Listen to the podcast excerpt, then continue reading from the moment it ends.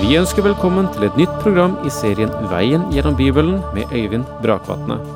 Denne studieserien er produsert av P7 Kristen Riksradio og bygger på serien Through the Bible av Vernon McGee. I dag fortsetter vi med Johannes' åpenbaring.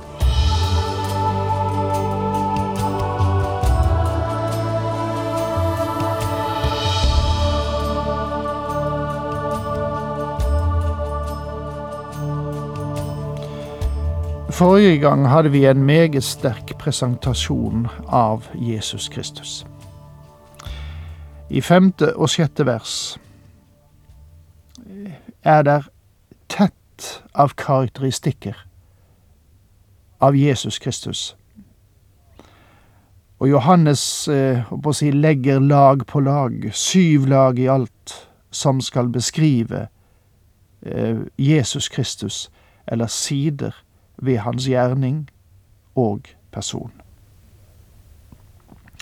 Og det er denne mektige personen som da er blitt beskrevet i vers fem og seks, som en der skal komme i skyene, og hvert øye skal se ham, også de som har gjennomboret ham, og alle jordens folk skal bryte ut i klagerop over ham, ja, sannelig.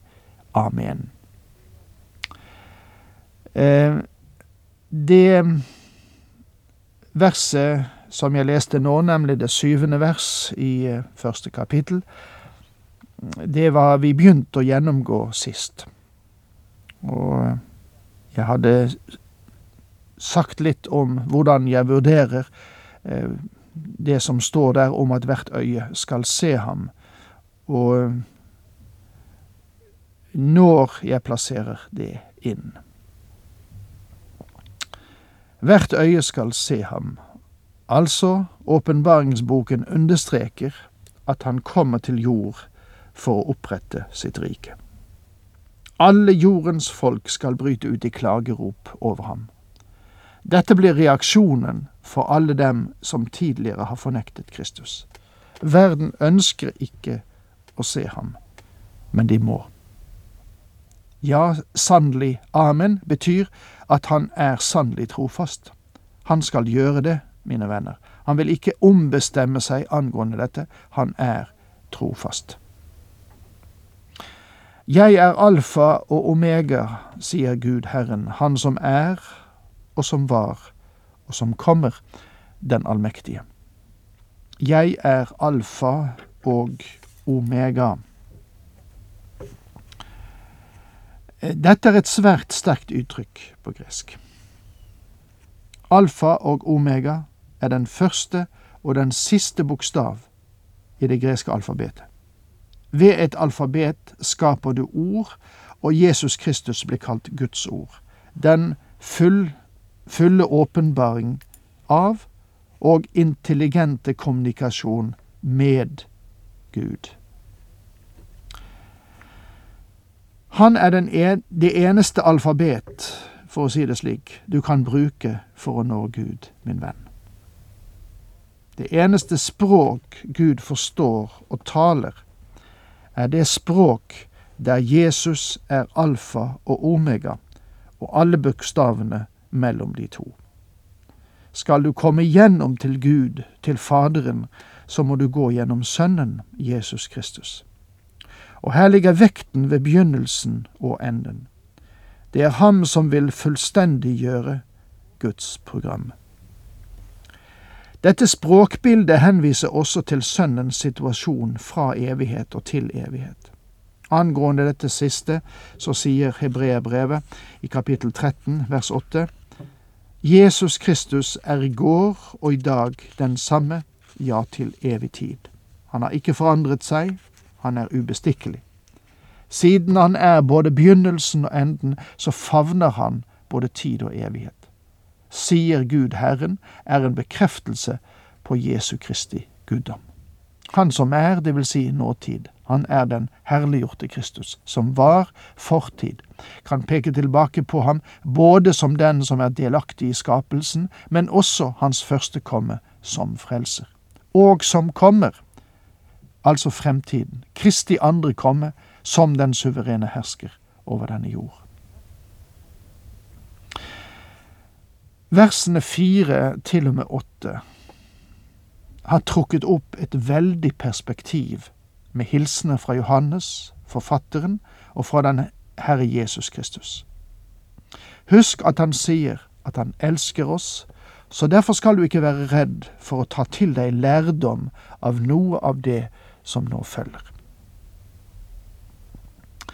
Jeg, Johannes, som er deres bror og har del med dere i trengselen og riket og håpet i Jesus, jeg var på øya Patmos. Dit var jeg kommet på grunn av Guds ord og vitnesbyrdet om Jesus. Jeg, Johannes, ble brukt tre ganger i åpenbaringsboken. De to andre henvisningene kommer mot slutten av boken. Som er deres bror og har del med dere i trengselen, henviser ikke til den store trengsel. Johannes var i trengselen. Domitian, den romerske keiser, hadde satt ham i fengsel på øya Patmos. Johannes hadde vært aktiv i menigheten i Efesos, og han var tilsynsmann for de øvrige menigheter og hadde undervist i Guds ord. Det er ikke nytt at man kommer i trengsel når man vil undervise i alt Guds ord.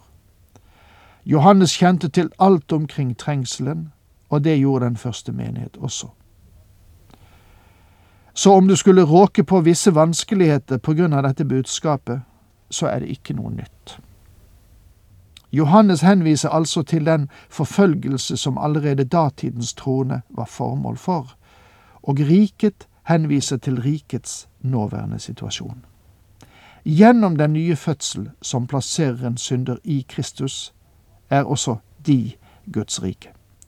Her tales det ikke om tusenårsriket, det er ikke opprettet ennå. Det skal Kristus gjøre når han kommer. Noen har sagt at vi lever i dag i riket og tålmodigheten, og vekten ligger ved tålmodighet. Johannes forklarer hvorfor han er på Patmos. Der var han i eksil fra ca. år 86 til år 96. Altså ca. ti år. Patmos er en vulkansk øy utenfor kysten av Lille Asia. Den er omkring 1,5 mil lang og ca. 1 mil brei. Jesus, har du sikkert merket deg, det er det navn Johannes brukte både i evangeliet og i åpenbaringsboken. Når han ønsker å uttrykke hans herlighet, så kaller han ham Jesus, og det løfter ham mot skyene. Og jeg håper at vi også kan oppløfte dette navnet. Før vi ser på versene videre, så la meg minne dere om at Johannes ble gitt denne mektige visjonen på den ensomme øya Patmos. Det er et syn av den herliggjorte Kristus i et herliggjort legeme som dømmer sin menighet. Med andre ord så skal vi se den store øverste prest i det aller helligste. På Herrens dag kom Ånden over meg, og jeg hørte en mektig røst bak meg, med klang som en basun, og den sa, Det du får se, skal du skrive i en bok, og sende den til de sju menighetene, til Efesos, Smyrna, Pergamon, Tyatira, Sardes, Philadelphia og Laudikea. Her er det Den hellige ånd som gjør sin gjerning, og derfor ber jeg at Guds ånd må ta det som hører Kristus til, og vise oss det. Og det er nøyaktig det den Herre Jesus Kristus sa at Den hellige ånd skulle gjøre når han kom. Herrens presise formulering var, men når han kommer, sannhetens ånd, skal han veilede dere til den fulle sannhet for han skal ikke tale ut fra seg selv, men si det han hører, og kunngjøre dere det som skal komme. Han skal forherlige meg, for han skal ta av det som er mitt, og forkynne det for dere. Johannes 16, vers 13-14. Vi begynner her å få et bilde av den herliggjorte Kristus. Vi ser ham her i funksjon i sin tjeneste som den store øverste prest i dag. Jeg er fullstendig klar over at i meg selv er jeg fullstendig udugelig til å forsøke å tolke disse veldige versene. Bare Guds egen ånd kan åpne dem opp og gjøre dem virkelige for oss. Men Hebreerne 3 vers 1 sier, Derfor, brødre, dere hellige som har fått del i det himmelske kall, se på den utsending og øverste prest som vi bekjenner, Jesus.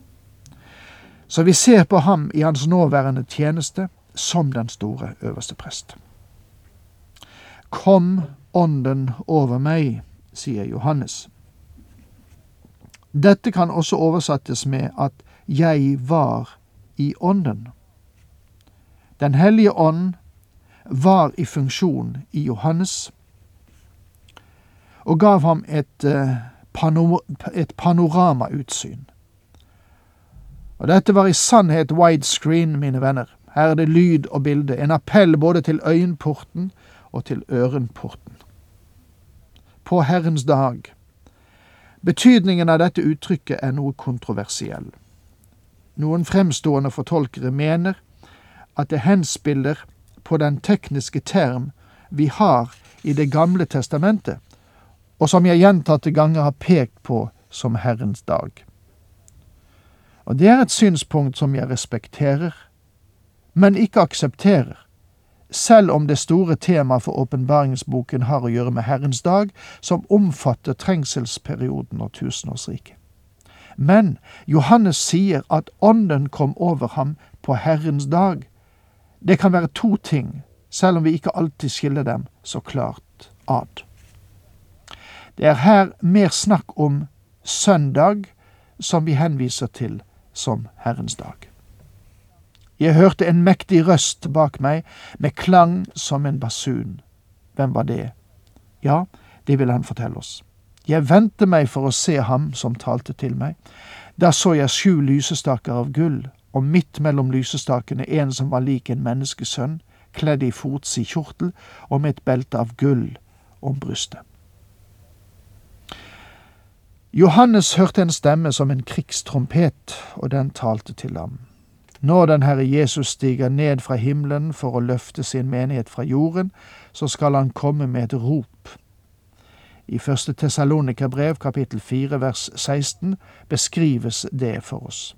For når befalingen lyder, og det høres et rop fra overengelen og støt i Guds basun, da skal Herren selv stige ned fra himmelen, og de som døde i troen på Kristus, skal først stå opp.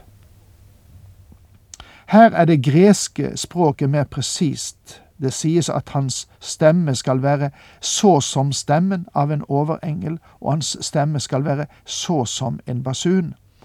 Og det beskrives nettopp slik for oss. Men det skal være Kristi egen stemme. Han trenger ikke hjelp av noen overengel for å reise sine egne opp fra de døde. Det klarer han med sin egen røst. Og med det må jeg si takk for nå. Herren med deg.